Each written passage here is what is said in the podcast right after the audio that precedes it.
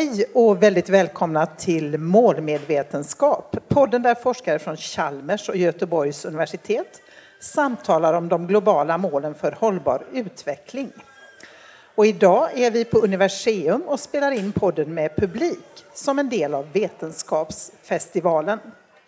Det här avsnittet är en samproduktion mellan Målmedvetenskap och Klimatpodden som är en podd där man får möta forskare, aktivister och entreprenörer och alla andra som på olika sätt engagerar sig i klimatfrågan. Och jag heter Ragnhild Larsson och är redaktör för Klimatpodden. Först så vill jag hälsa Maria Edström välkommen tillbaka, för du har varit här en gång förut. Eh, och eh, det var ju med det förra då, avsnittet av målmedvetenskap. Men eh, kan du berätta lite kort vem du är, vad du gör?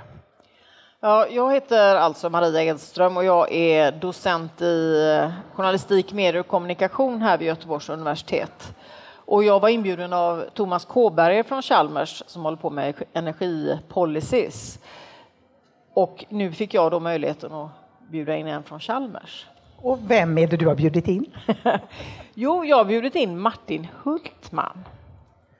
Och eh, ja, du kanske ska få börja med att presentera dig Martin, vem är du? Jag är också docent eh, i teknik, vetenskap och miljöstudier och jobbar som specialist eh, på Chalmers på en avdelning som heter just teknik och vetenskap. Och studerar miljö, energi och klimatfrågor på olika sätt. Och Maria, hur kom det sig att du valde att bjuda in just Martin? Ja, i ärlighetens namn så tänker jag att det är bra att bjuda in någon som man kanske kan förstå. Eh, och då var det så enkelt att jag håller på med en hel del hållit på med jämställdhet och medier och de genusfrågor och då noterade jag att även Martin håller på med den typen av frågor, fast ur ett helt annat perspektiv. Eh, ni ska strax också få berätta vilka mål ni har valt, men jag tänkte bara höra lite kort, hur kom det sig att du har valt att studera just de här frågorna med genus och jämställdhet? Och jag, jag själv har en bakgrund som journalist, eh, så jag tror att det började eh, i att jag själv kände att man var med och skapade mediebilder som man inte riktigt kanske hade koll på om de var så eh, innovativa, utan att, att det finns mycket mallar man följer. Eh, så att, eh, då blev jag i min ungdom då medieaktivist kan man säga. Vi startade ett mediekritiskt nätverk här i Göteborg som var aktivt under många år. Allt är möjligt. Allt är möjligt, precis. Och det var en dubbeltydighet i det ordet, precis som med hållbarhetsfrågorna, att allt är möjligt att förändra, tänkte vi. Men också att man ska aldrig upphöra och förvånas av konstiga saker som händer, att det alltid är möjligt, finns både negativ och positiv eh, tolkning av det kan man säga. Men eh, det arbetet ledde mig sen in på universitetet för man, jag upptäckte då att, eller vi upptäckte att det fanns så himla få studier om innehåll, hur skildras män och kvinnor i medierna och det saknades några slags övergripande studier. Så att eh, det ledde mig in på att bli doktorand och, och sen dess har jag hållit på, så att man kan säga att i 30 år väl har jag hållit på med medier och jämställdhet väldigt mycket. Och Martin, hur kom det sig att du har valt att forska på det du gör? Det var väl egentligen så att jag började en forskarskola som heter Program energisystem som eh, finansieras av Energimyndigheten 2003. Och eh, innan dess så hade jag inte varit speciellt intresserad av energi eller klimat eller miljöfrågor utan jag hade mer varit intresserad av sociala rörelser och eh, global rättvisa, globalisering kan man säga, och medier. Eh, jag sökte faktiskt eh, tre stycken doktorandtjänster i just eh, medier innan jag, jag började på doktorera där jag gjorde då. Där jobbade jag tillsammans med ingenjörer och naturvetare just när det gäller energifrågorna och vi fick föreläsningar av bland annat Per Holmgren och Thomas Kåberg som var här och, och några andra. Ehm, och där väcktes mitt intresse liksom för hur det där hängde ihop också, energi och med miljöfrågor och senare klimatfrågor. De här 17 globala målen de handlar om att avskaffa extrem fattigdom och minska ojämlikheter och orättvisor i världen och att lösa klimatkrisen. Och inför det här samtalet har ni fått välja då varsitt mål att prata lite extra om. Så nu är jag väldigt nyfiken på att höra vilka mål ni har valt. Maria? Jag fortsätter ju på samma spår som förra gången. För jag tycker att eh, jämställdhet mål 5 är ett speciellt mål för det korsar alla de andra målen och det är också någonting som står i portaltexten att inga av de här målen kommer uppnås om vi inte beaktar mål 5 hela tiden. Sen är det tyvärr så att alla läser inte den här portaltexten. Så jag såg senast, eh, ja, för no, eh, alldeles nyligen, att Europarådet har skrivit en liten rapport, vad gör de om, i förhållande till hållbarhet och jämställdhet och då har de valt ut några mål som de tycker är relevanta när det gäller jämställdhet och inte alla. Inte energi till exempel, inte konsumtion och produktion och allt möjligt. Så man tänker bara, det är jättekonstigt att man bara tar de här lätt fina, jag gillar de här rutorna med målen. Men man måste ju också läsa lite texten runt omkring. I alla fall om man är tjänsteman eller beslutsfattare. Så det är ett tips till alla att verkligen ja. läsa det här ordentligt? Precis, läs originaldokumentet. Inte bara titta på de roliga rutorna. de färgglada rutorna. Eh, och Martin, vilket mål har du valt? Ja, nummer 13 då, kring klimatkrisen eller klimatförändringarna. Eh, och eh, jag kommer väl eh, också då prata om jämställdhet här eftersom inte minst i mitt eh, senare forskningsarbete så ser jag hur de här överlappar på många olika sätt. Eh, men precis som du är inne på så ser jag också hur genusfrågor väldigt mycket hålls utanför klimatfrågorna på ett sätt som jag tycker är väldigt märkligt och konstigt. Eh, man behöver förstå jämställdhet och genusfrågorna ihop med klimatförändringarna. Eh, det är ju så här att i varje avsnitt av målmedvetenskap så får forskarna ta med sig en pryl, en sak då, som knyter an till det mål man har valt. Så Maria, vad har du valt att ta med dig idag? Ja, jag ska börja med att göra lite avbön från förra eh, målmedvetenskapspodden, för då tog jag med mig den här Lathund om jämställdhet från Statistiska centralbyrån. För jag pratade ganska mycket då om att det saknas könsuppdelad statistik på många områden, inte minst medier. Och det är ett litet häfte? Det är ett litet häfte som kommer ut vartannat år där man kan läsa allt man behöver veta om eh, eh hur det ser ut i samhället i Sverige. Jag brukar säga till mina journaliststudenter, ha den här i ryggsäcken. Då kan ni alltid hitta jobb om, eh, och svar på frågor. Men då var det så att under när den kom ut 2014 och 2016 fanns medierna med. Vi hade tagit fram ny statistik så att medierna för första gången kom med som en maktfaktor. Den ligger under makt och inflytande.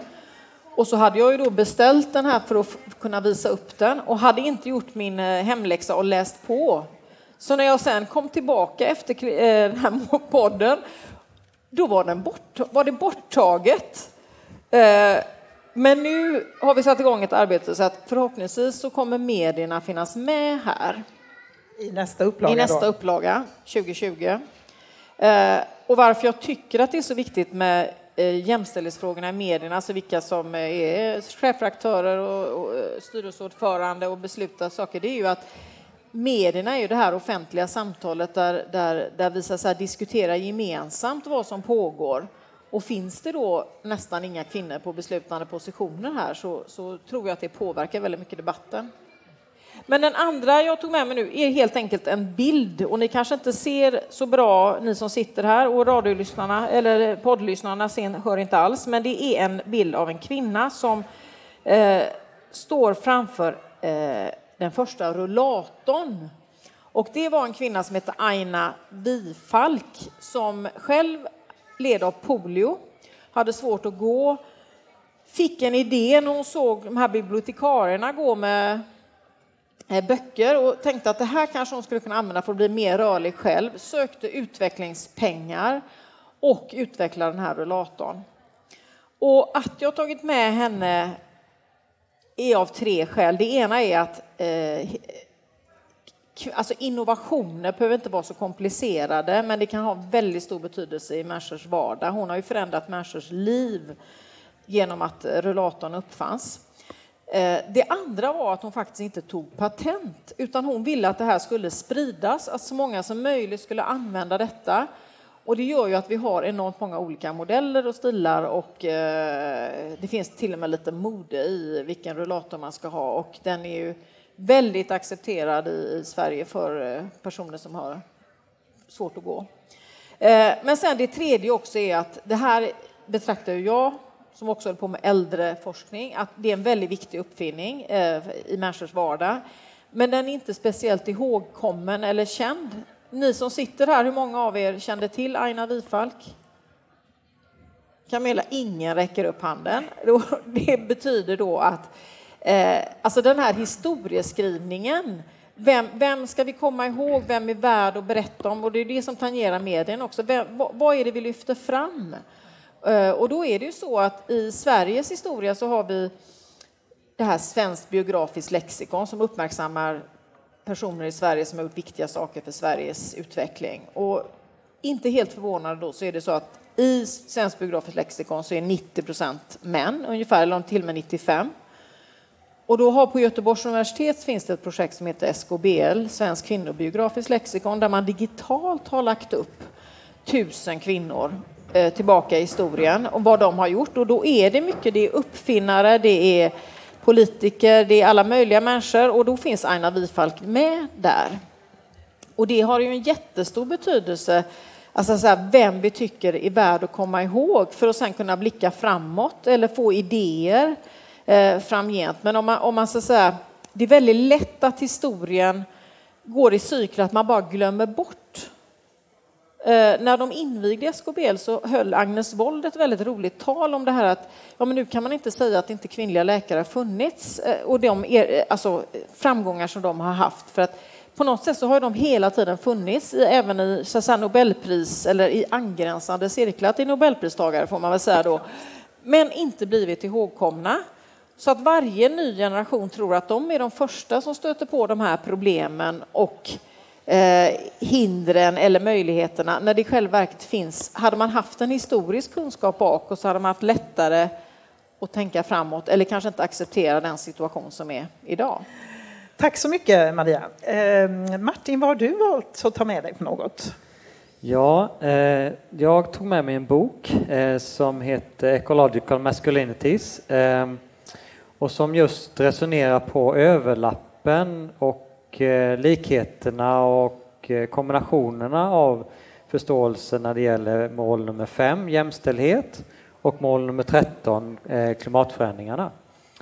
Eh, för precis som eh, vittnesmålen eh, från metoo för två och ett halvt år sedan är det väl nu, satte fokus på de destruktiva manliga normerna som upprätthåller vad vi kan kalla för ett patriarkalt samhälle så eh, är det en likhet när det gäller klimatfrågan och när det gäller miljöfrågorna. För att eh, på samma sätt där så återskapas en ordning där eh, män är de som både ger upphov till de ut, i större grad de utsläpp som påverkar klimatet.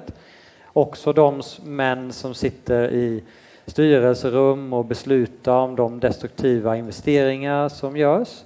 Eh, och det är samtidigt också män som har svårare att ta till sig kunskapen om klimatförändringarna och är mindre villiga generellt sett att göra någonting åt det. Då. Eh, och den kunskapen har ju funnits eh, och diskuterats utav olika former av ekofeminismer under Eh, 40 år åtminstone, sedan slutet av 70-talet. Men i likhet med metoo så tänker jag att det, det nya här är ju att sätta fokus på att förändra de manliga dominerande normerna så att, eh, och de maktförhållandena som också upprätthåller de här normerna. Då. Eh, på, på samma sätt som, som metoo visade på är nödvändigt. Då. Så det eh, tog jag med mig för att liksom visa kopplingarna mellan mäns våld mot kvinnor och mäns våld mot planeten. Det hänger ihop alltså? Det hänger ihop. Men nu klumpade du ihop alla män i en hög Eller hur? Ja. ja, vi pratar ju om tre olika former av maskuliniteter då. Eh, så det är helt rätt att eh, i, vår, eh, eller i analysen så klumpar vi inte ihop alla män på det viset, eh, utan vi pratar om industrimoderna maskuliniteter som just den, den formen som inte, där man inte tar till sig klimatvetenskap och där man vill att samhället ska köra på som vi gör idag, eh, business as usual. Och sen pratar vi om ekomoderna maskuliniteter eh, i likhet med elbilar och personer som Arnold Schwarzenegger där man eh, erkänner de utmaningarna vi står inför men vill lösa det med små tekniska end-of-pipe-lösningar. Och sen pratar vi också om ekologiska maskuliniteter som då skulle vara en form som eh, ett sätt att vara som man som tar hän, både är feministiskt och eh, liksom är, tar del i de nödvändiga samhällsförändringar som behöver ske för att ta de här utmaningarna på allvar.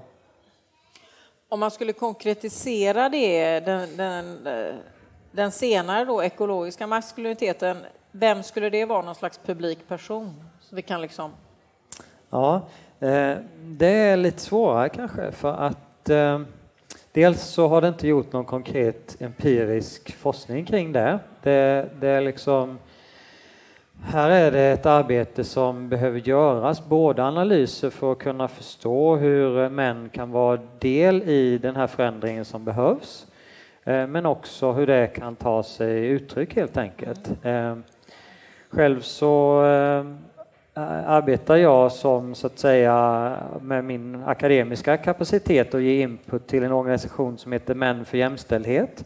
Och de har precis nu sedan ett år, något år tillbaka börjat jobba även med miljöfrågor för att just vara en del i att förändra manliga normer även inom miljöområdet. Då.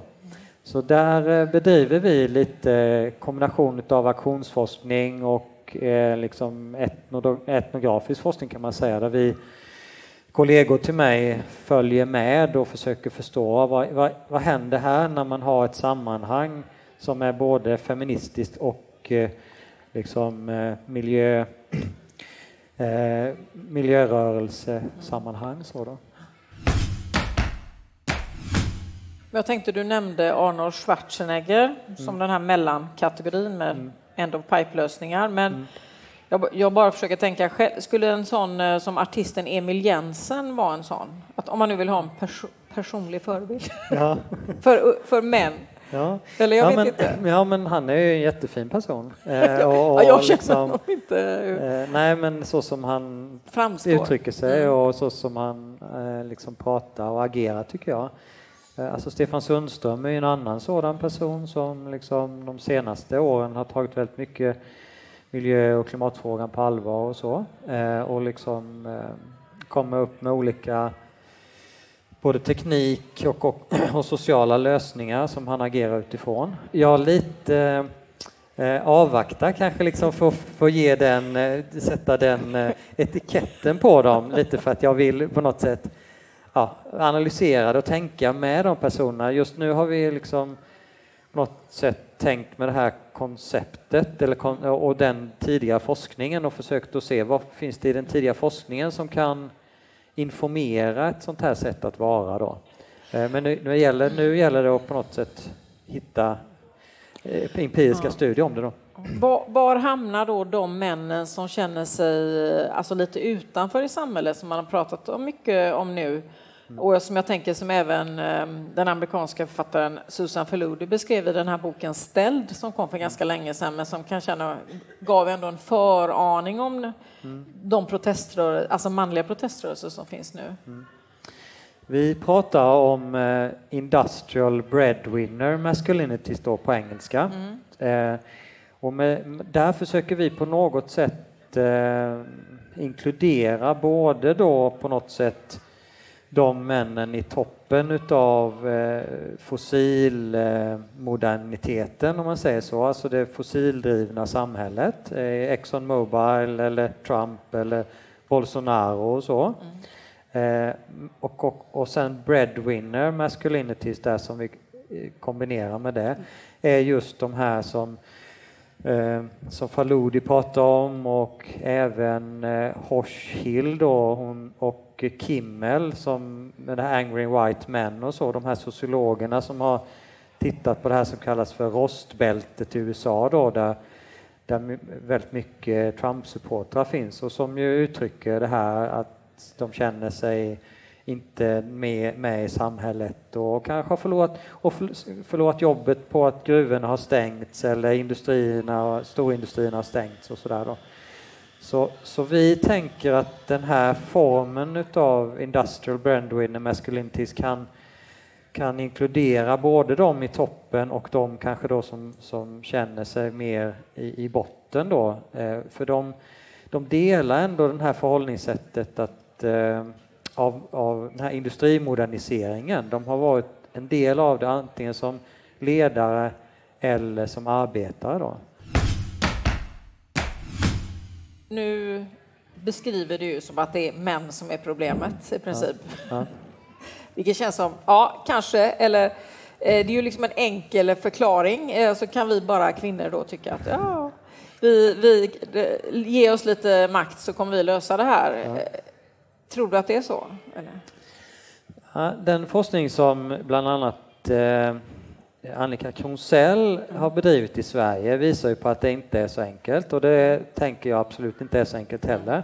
Och det är därför vi jobbar med de här tre kategorierna utav maskuliniteter då. Mm. Eh, där, där, vi ser att det, här, det är nödvändigt för att förstå att eh, man som man är också del av strukturer mm. och del av värderingspaket eller man säger så. Då.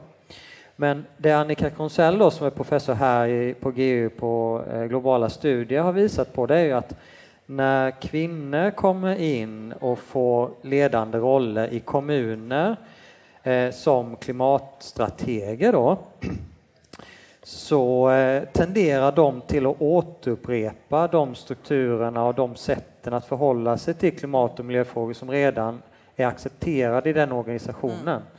Alltså, de kan inte bedriva den klimatpolitik som de har med sig in i organisationen utan de är beroende av de strukturer och de, de beslut som kan tas inom de här organisationerna. Då.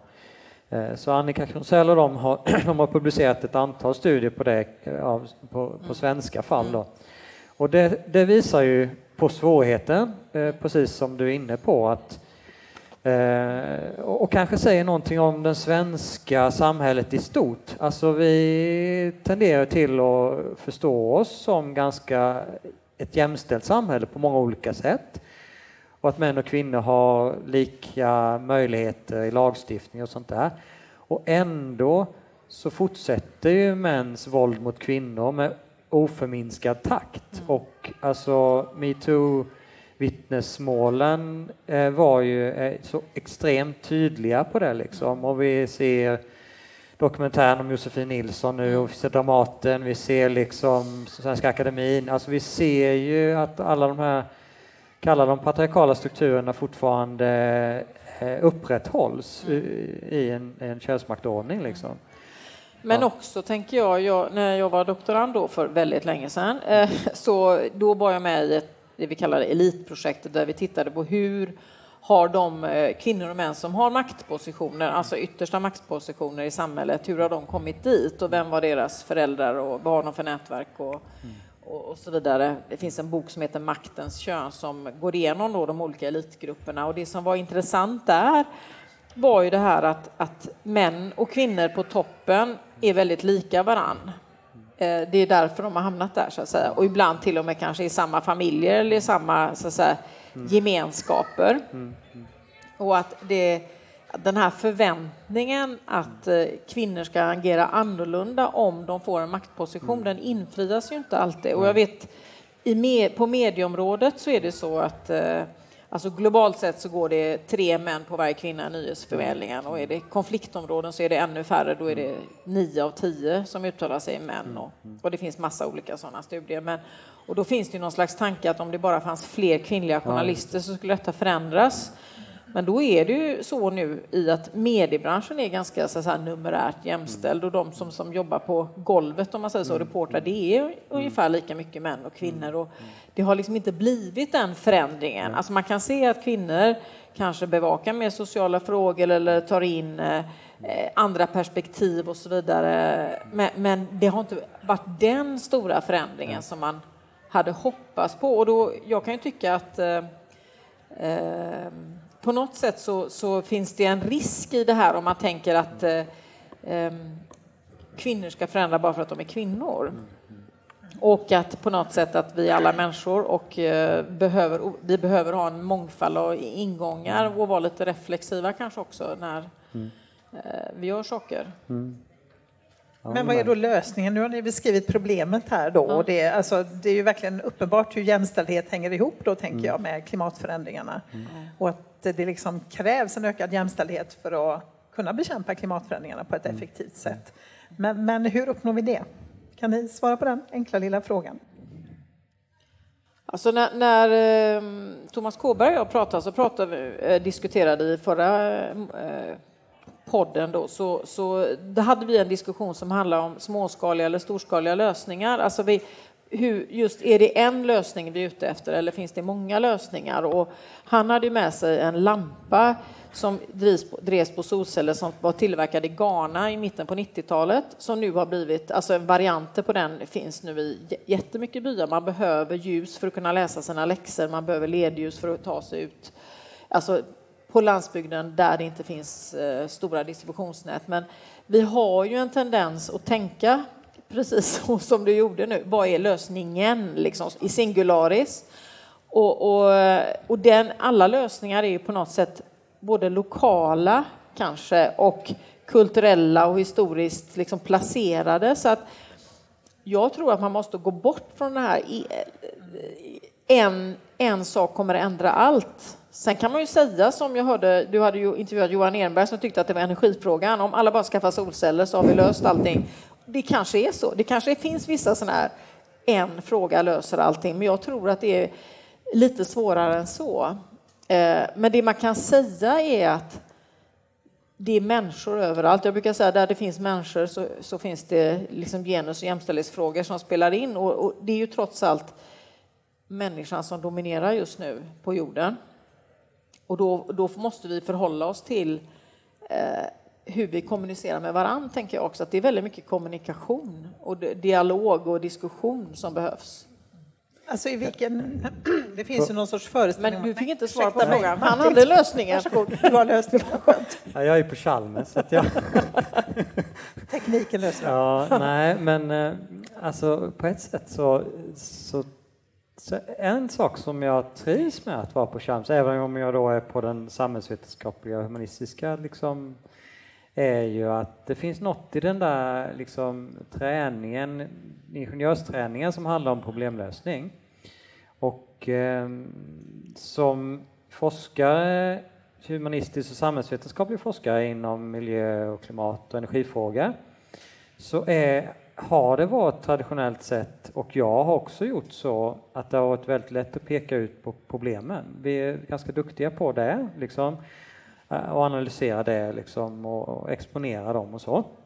Men eh, eh, som person så har jag alltid också varit lite nyfiken. Vad, vad, men okay, vad ska vi göra nu då istället? Så att jag, jag, genom min erfarenhet de här 15 åren som jag, så har jag kommit i kontakt med ett antal liksom, eh, väl, som jag tycker intressanta idéer.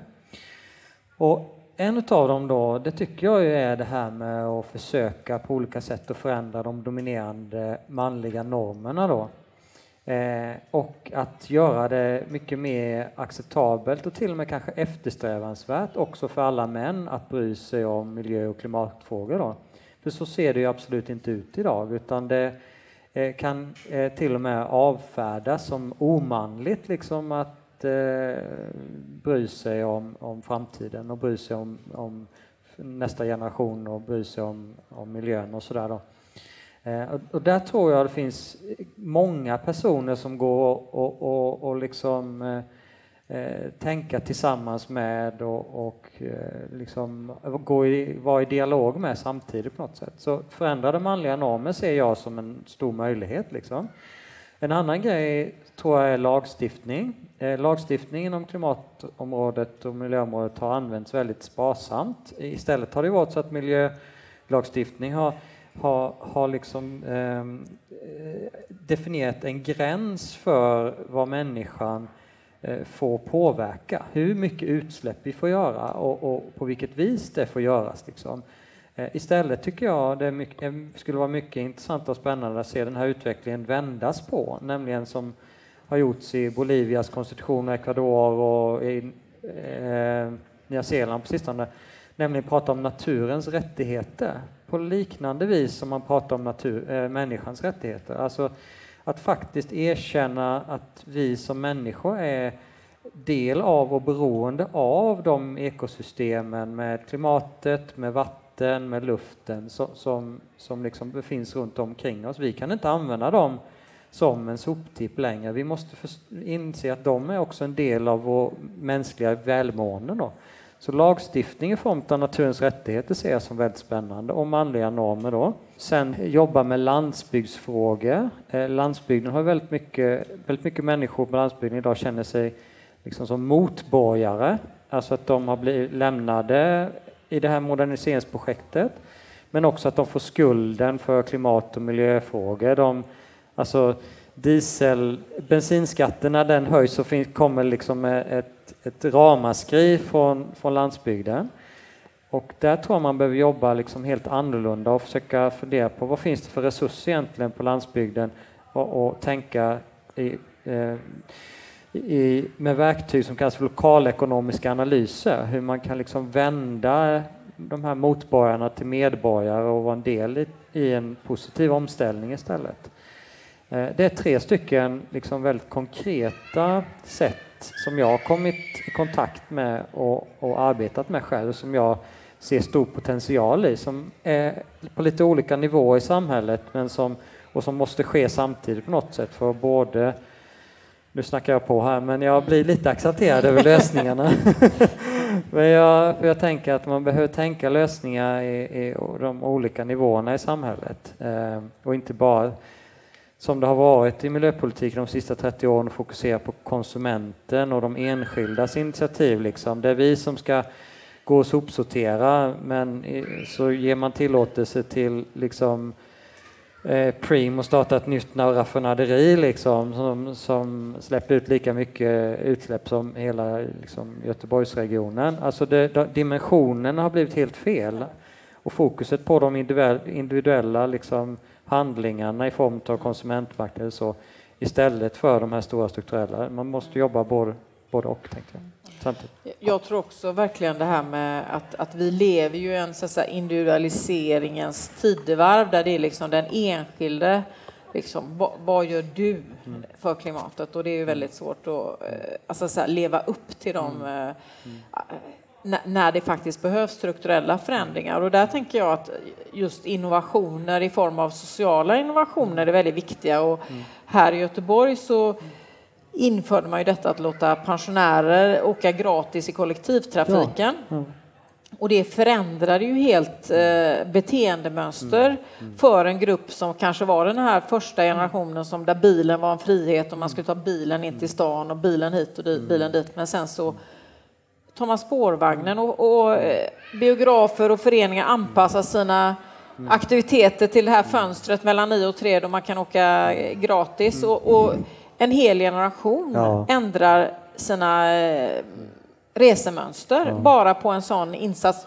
Och det var ingen som hade begärt det eller önskat det utan det var en idé jag tror som kom från London alltså, som har vandrat till olika städer och det finns ju massor av sådana alltså incitamentstruktur, att du, du gör något positivt, du, mm. så, så, blir det en naturlig förändring. Och det är ju det vi börjar se just med, med solceller nu, då, att det börjar bli så billigt så lite var och en till, till mans tänker så här, de, vi kan sätta upp några solceller här, eller kan vi göra det i kvarteret, eller kan vi göra någon annanstans? Alltså, och, då, och då blir det ju så att säga, då blir det ju ett annat driv att ta sig andra former.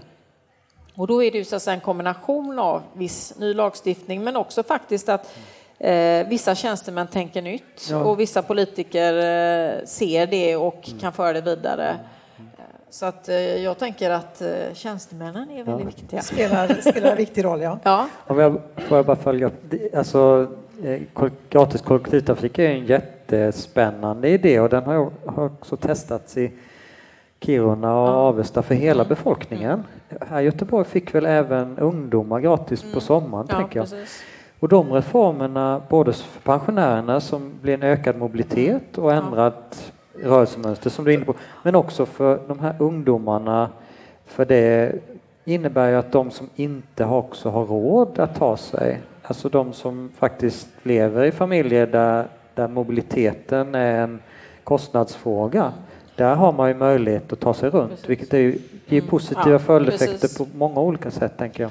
Ja, för många ungdomar var ju kvar i sina stadsdelar ja. Eh, på sommaren för att mm. fastän vi har då ja, kust och öar att åka till så ja, man inte, sen är jag inte säker, jag vet inte om många av dem gjorde det ändå, men bara möjligheten ja. är ju fantastisk. Visst, och där tror jag, eh, nu blir det lite lokalt igen här, men hela västlängsdiskussionen så är det ju många som har föreslagit att under den här ombyggnadsperioden kunde vi väl haft gratis kollektivtrafik mm. Mm. och lite fler turer då kanske. Alltså jag tror att det hade haft förändrat diskussionen mm. lite grann om man hade liksom också gett någonting mm. än att bara tagit bort eh, framkomlighet utan också ökat någonting annat. Mm. Jag ska komma in lite grann på det här också. Alltså vilken roll eh, skulle ni säga att forskningen spelar då? Alltså man pratar lite större perspektiv här då. Vilken roll spelar er forskning för att uppnå de här globala målen? Jag menar, ibland finns det en tilltro till att inte minst kanske Chalmers, att tekniska lösningar ska fixa klimatmålen till exempel. Mm. Ja, det finns ju det här eh, norrländska begreppet pärgrävarmentalitet, att man måste så att säga, rensa och inte titta hur lång raden är, liksom, utan bara fortsätta. Det försöker jag lansera bland mina internationella genusforskarkollegor, för det, det, tar ju ganska lång tid och det går, är ganska, men många har ju varit med ganska länge och, och det gäller ju liksom inte ge upp. Och när det gäller det här med exempel andelen kvinnor i nyheterna så var det 17 procent 1995 och så gick det upp till 18 och sen blev det 21 och sen blev det 24 och sen har det liksom inte blivit mer. Alltså, det går så långsamt. Eh, så man kan bli lite deprimerad och tänka att det spelar ingen roll. Alltså här har vi gjort den här rapporten och talat om att det är helt skevt och störst, alltså på globalt plan störst chans att komma med i nyheterna, det är ju kring det här beauty contest, eh, jag tror det är skönhetskirurgi, alltså utseendefrågor. Alltså det är det som är nummer ett var det i alla fall då, 2015 eh, senast den här globala nyhetsstudien gjorde.